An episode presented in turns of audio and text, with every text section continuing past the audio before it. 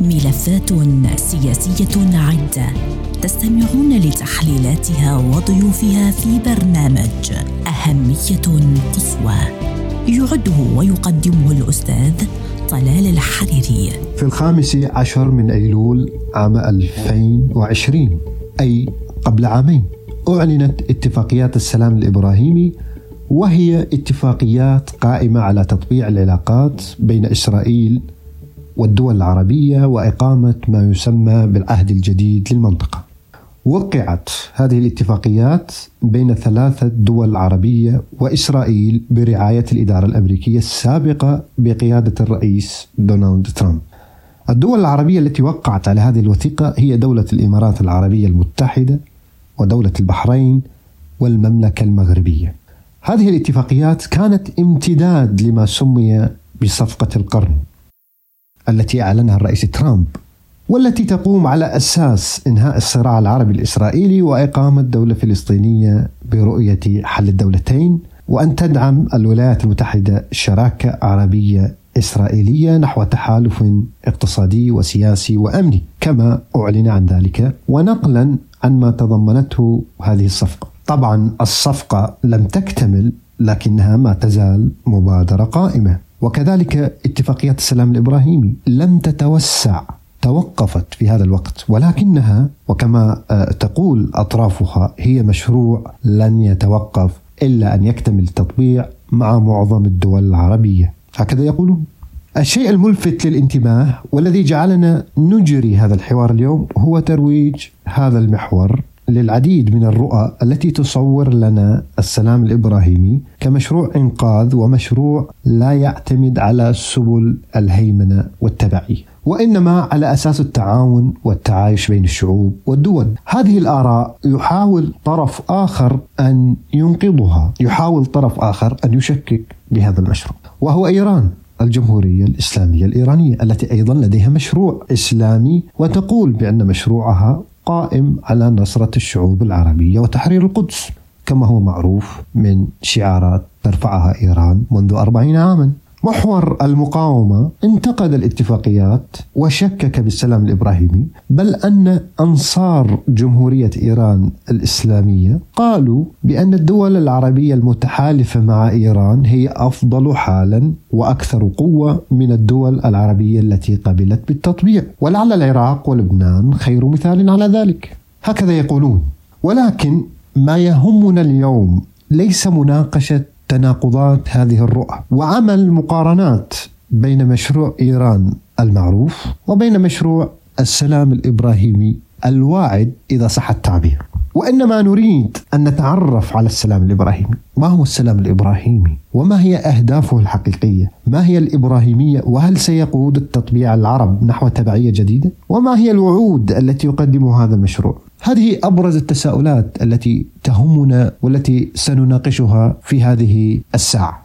للحديث عن هذه التساؤلات ينضم معي الكاتب والناشط والمحلل السياسي العراقي السيد ديفيد ياسين. أهلا بك سيد ديفيد ودعني أبدأ وأدخل في صلب الموضوع. ما هو السلام الابراهيمي؟ كثير من الشعوب العربية وربما الأغلبية لم تفهم ولم تسمع إلى الآن بمشروع السلام الابراهيمي، بل أن هناك الكثيرين الذين ربما لم يذكروا اتفاقيات السلام الابراهيمي التي أعلنت قبل عامين. نريد أن تضعنا في الصورة حول هذا الموضوع. السلام الابراهيمي مشروع واضح وصريح يمثل مبادرة عقلانية بديلة لعصر الحروب والاتجار بدماء البشر. وأيضا يضع مصلحة الشعب اولا وهذه أهم نقطة. وعلى هذا الأساس انطلق المشروع إذ يمثل هدفا اقتصاديا كبير يجمع بين المعرفة والموارد المالية والقدرات البشرية. وهذا يعتبر العمود الفقري للسلام الإبراهيمي. كما أنني في رأيي أرى ان هنالك هدفا رائعا يجب التطرق إليه وهو تعزيز التسامح والتعايش الديني ليس من خلال رؤية دينية ولكن برؤية معاصرة للحداثة والمواطنة والإحترام. وهنالك هدف آخر وهو تبادل المعرفة والتكنولوجيا وتطوير الجامعات والتعاون الإقليمي المشترك والبنى التحتية. وبذلك ستتكون كتلة اقتصادية كبيرة جدا شبيهة بالاتحاد الأوروبي وستجمع التعاون الأمني الذي يضع استقرار المنطقة بالتعاون في المقام الأول عفوا. وهذا هو المقصود بالسلام الإبراهيمي الذي يعارضه محور المقاومة سبب معارضته لأن حكم إيران يقوم على أساس ديني وسياسة معادية للشعوب. وانضمام الدول إلى مشروع السلام سيدمر سياساتها كلها أو نظامها. لأن أساس السلام الإبراهيمي هو تعزيز قيم التسامح والتعايش الديني وإنهاء النزاعات والحروب في المنطقة.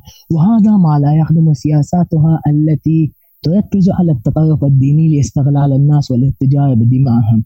لذا فإن وجود محور المقاومة والميليشيات هو فقط من أجل إيران واستمرار نظامها ورفض أي مشروع يدعو إلى الاستقرار في المنطقة ومشروع السلام هو يتضمن في المقام الأول الاستقرار في المنطقة وإنهاء عصر الحروب والنزاعات. وبناء عهد جديد بين العرب والإسرائيليين من خلال التعاون الاقتصادي والتكامل الإقليمي. وعلى هذا الأساس انطلق مشروع السلام الإبراهيمي. كما أود أن أضيف إنها مجموعة من الأفكار القائمة على الحداثة والتكامل الاقتصادي والتعايش والتسامح الديني وتقوية الروابط بين الشعوب على اختلاف انتماءاتها وتوجهاتها وإنهاء مجموعة من الأفكار التي تتضمن خطابات الكراهية والتركيز على رفاهية الإنسان فقط.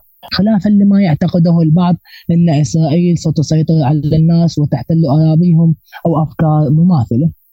عفوا سيد ديفيد. ولكن أنت تحدثت عن مبادئ وتحدثت عن أهداف ولكن هنالك تساؤلات مهمة تخص التطبيع. التطبيع كشكل لعلاقة جديدة تجمع الإسرائيليين والدول العربية. ما هو شكل هذه العلاقة؟ هل التطبيع تبعية جديدة كما يقول؟ نريد أن نفهم التطبيع. وقبل التطبيع ضعنا في صورة الإبراهيمية. ما هي الإبراهيمية؟ هل هي رؤية كما يدعي هذا المحور أم أنها دين جديد؟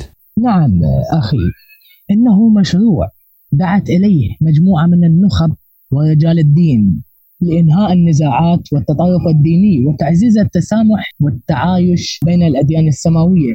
كما أنه لم يقدم نفسه كدين كما يعتقد البعض أو ما يروج له محور الممانعة لتضليل الناس بل كل ما في الأمر يتركز على تقوية الروابط بين الشعوب بمختلف انتماءاتها. وتوجهاتها لإنهاء عصر الحروب والصراعات بين الشعوب والنهوض بواقع أفضل لتحسين المستوى المعيشي. أما التطبيع فهو ليس كما تروج له ميليشيات إيران كاحتلال وهذا هو يناقض ما تروج إليه لأنها تفرض احتلالها على دول أقامت معها علاقات عبر ميليشيات إرهابية. أما التطبيع هو علاقات متكافئة. على عكس إيران تفرض حكمها بالقوة والقتل. على كل من يرفض حكمها. طرحت إسرائيل هذا البرنامج. تريد آه، أن تقول فيه إنها تريدنا جميعا أقوياء وجميعا أغنياء. كما هو الحال في الاتحاد الأوروبي. الآن لو نظرت إلى الاتحاد الأوروبي سترى الجميع في علاقات متكافئة والجميع في اقتصاد متكافئ والجميع في علاقات آه، بين الشعوب علاقات متكافئه وتقبل الآخرين دينيا وعرقيا وإذا نظرت إلى الاتحاد الأوروبي بصورة عامة سترى بأنهم يعيشون كما لو كانوا في بلد واحد. حتى الحدود إذا أردت أن تسافر من بلد إلى آخر لا تحتاج إلى جواز سفر. هكذا تريد إسرائيل. هذا هو مشروع السلام الإبراهيمي. على عكس ما تطرحه إيران لتضليل الناس من فكرة وهي ما تطرح ما تطرح وما تقوم به إيران هو فقط لاستمرار نظامها لا أكثر. لأنها تقوم على أساس التطرف الديني والنزاعات والسياسة المعادية للشعوب وبذلك ترفض كل مشروع يدعو إلى السلام. التطبيع هو ليس كما تروج له، لا على العكس انه علاقات متساوية ومتكافئة. سيد ديفيد آه ذكرت في أكثر من مفصل من هذا الحوار بأن السلام الإبراهيمي قائم على أساس آه أو أحد أهدافه إقامة تجربة اقتصادية وإقامة اتحاد متطور على غرار الاتحاد الأوروبي. هل هذا مشروع حقيقي أم مجرد يعني أطروحة تطرح في الإعلام؟ هل هذا ممكنا فعلا إقامة تكتل أو تكامل إقليمي على غرار الاتحاد الأوروبي؟ نعم هذا ممكنا السلام الإبراهيمي سوف يكون شبيها بالاتحاد الأوروبي كيف؟ اليوم إذا اتفقت الدول العربية ودولا أخرى غير عربية في مشروع السلام الإبراهيمي ستتضمن اقتصاد واحد وتعاون أمني واحد وقوة أمنية مشتركة. وهذا ما سينافس أوروبا وأيضا هذا سيعطي الأفضلية بأن أنت تتفوق على أوروبا لأن الجميع يعرف بأن الدول العربية تمتلك موارد اقتصادية أكبر من غيرها. وهذا سيعطيك الحرية أكثر سي... آه، تتحرك سياسيا واقتصاديا وامنيا. السيد ديفيد ياسين المحلل والباحث السياسي العراقي أشكرك على هذه المداخلة، نشكركم على حسن الاستماع وإلى اللقاء في حلقة جديدة، تحياتي. مستمعينا الأكارم كان معكم الأستاذ طلال الحريري وبرنامج أهمية قصوى.